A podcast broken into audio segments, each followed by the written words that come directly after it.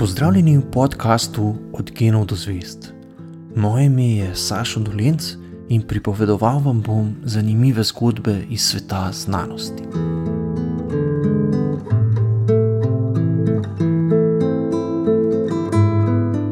Ženske žal dolgo niso mogle postati znanstvenice. To se je začelo spreminjati šele v začetku 20. stoletja. Ana Majer iz Lož pri Vipavi je bila ena prvih, ki je uspelo premagati mnoge administrativne in ideološke prepreke. Leta 1920 je kot prva oseba zagovarjala doktorat na novo ustanovljeni Ljubljanski univerzi in postala prva ženska, ki se je na univerzi akademsko zaposlila.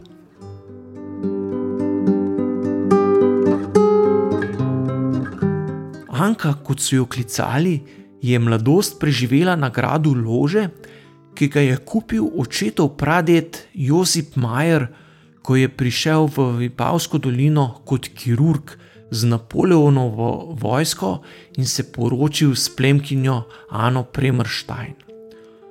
Osnovno šolo je obiskovala v Vipavi, na to je odšla v Ljubljano kjer se je šolala na šestletnem ženskem liceju in stanovala v dekliškem internatu mladika. Bila je ena izmed prvih deklet, ki so lahko nadaljevale izobraževanje na klasični gimnaziji v Ljubljani, kjer je obiskovala sedmi in osmi razred ter opravila maturo. Na gimnaziji so sprva strogo ločevali deklice od dečkov. Pred poukom so se morale zbrati v posebnem prostoru poleg zbornice, kjer so počakali profesorja, ki jih je odpeljal v razred in po uri nazaj.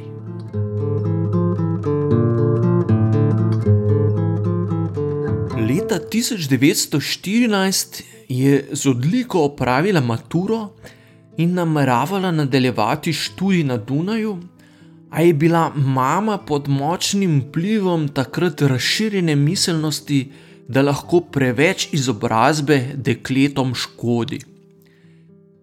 Ker je oče na smrtni postelji obljubil, da bistre in vedoželjne hčerke ne bo poslal študirati, so našli kompromis tako, da si je Anka sama zaslužila denar za odhod na Dunaj.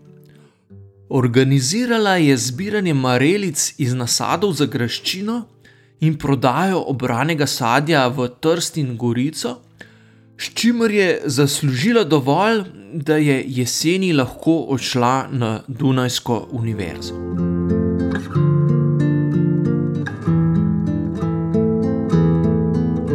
Kot redna študentka se je upisala na filozofsko fakulteto z glavnim predmetom kemija in stranskim fizika.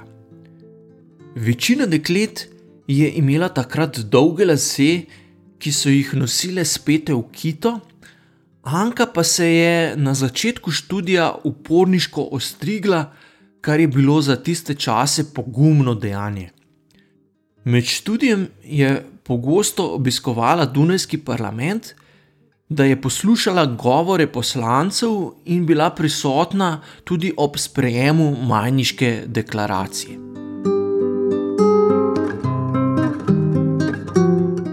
Po koncu Prve svetovne vojne je Dunajska univerza sprejela odlog, da morajo študenti slovanskih narodnosti zapustiti univerzo.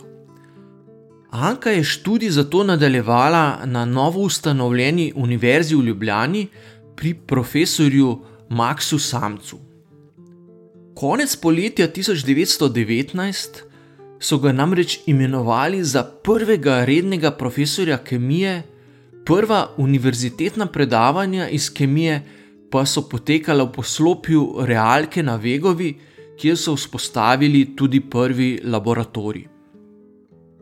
Na začasnem laboratorijskem pultu iz lesenih zabojev je Anka, ki je samcu pomagala tudi pri izvedbi predavanj, začela raziskovati kemijo škroba.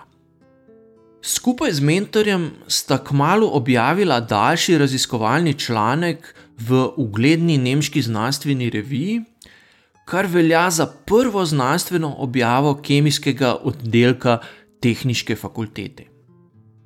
Članek je bil hkrati tudi temelj prve doktorske disertacije na Ljubljanski univerzi. Junija 1920 je Anka javno zagovarjala doktorat z naslovom o učinkovanju formalina na škrob. Že pred zagovorom disertacije je marca 1920 postala asistentka na Univerzitetnem kemijskem inštitutu. Pomagala je pri vajah in predavanjih iz kemije, ki jih je izvajala tako na filozofski kot na tehnički fakulteti. Čeprav si je želela nadaljevati akademsko in raziskovalno kariero, ter imela pri tem tudi podporo vodje inštituta, je morala leta 1922 podati odstopno izjavo. Kaj je bil razlog za njen odhod? Ni povsem jasno. Morda je morala oditi zaradi finančne stiske inštituta, morda zaradi poroke s profesorjem in dolgoletnim dekanom medicinske fakultete Eugenom Kanskim, ali ker je bila noseča.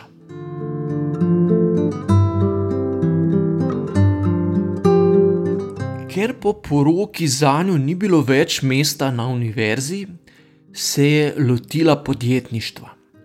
Ustanovila je podjetje Dr. A. Kanski kemična tvornica, ki je postalo sinonim za kakovostne kemijske preparate. Za ustanovni kapital si je del sredstev izposodila od tašče, del pa je podedovala po očetu. Mož je imel v podjetju svoj laboratorij, a podjetje je vodila Anka sama. S tremi otroki sta živela v Ljubljani na Krekovem trgu, kjer sta si v pritličnih prostorih uredila pisarno in laboratorij, v kletnih pa trgovino s kemikalijami in laboratorijskim inventarjem.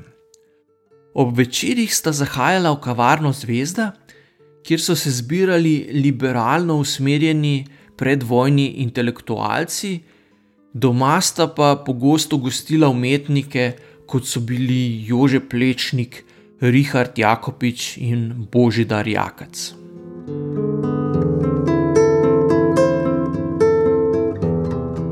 Kmalo po poroki je Anka kupila tudi pogorelo oljarno v Podgradu pri Zalogu in na njenem mestu postavila prvo jugoslovansko tovarno za proizvodnjo žveplenega etra, etra za narkozo in topil za industrijo lakov. Prva v takratni državi je začela iz domačih surovin izdelovati zapletene organske spojine. Z ustanovitvijo tovarne je postavila temelje za danes v Sloveniji pomembno kemijsko in farmacevtsko industrijo. Njeno tovarno so med vojno najprej zaplenili Nemci, na to pa jo je nova oblast maja 1948 nacionalizirala. Po vojni je v prošnji za dodelitev starostne pokojnine zapisala, da je bilo njeno podjetje bolj raziskovalno praktičnega značaja, kakor dobičkonosna ustanova, ker je v njem izvajala pionirsko delo uvajanja kemikalij na jugoslovanski trg. Anka je pred smrtjo leta 1962 veliko časa preživela v počitniški hišici, ki sta si jo z možem postavila blizu tovarne v Podgradu. Evgen je umrl šele 15 let za ženo leta 1977, ko je imel že 90 let, a predaval in raziskoval že dolgo ni več, saj se je moral z profesorskega mesta na Ljubljanski univerzi umakniti že jeseni leta 1945 ko so ga pri 58 prisilno upokojili.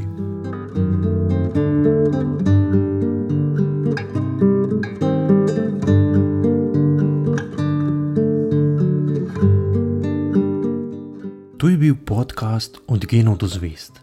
Moje ime je Sašo Dolenc in z novo zgodbo se vam oglasim že k malu.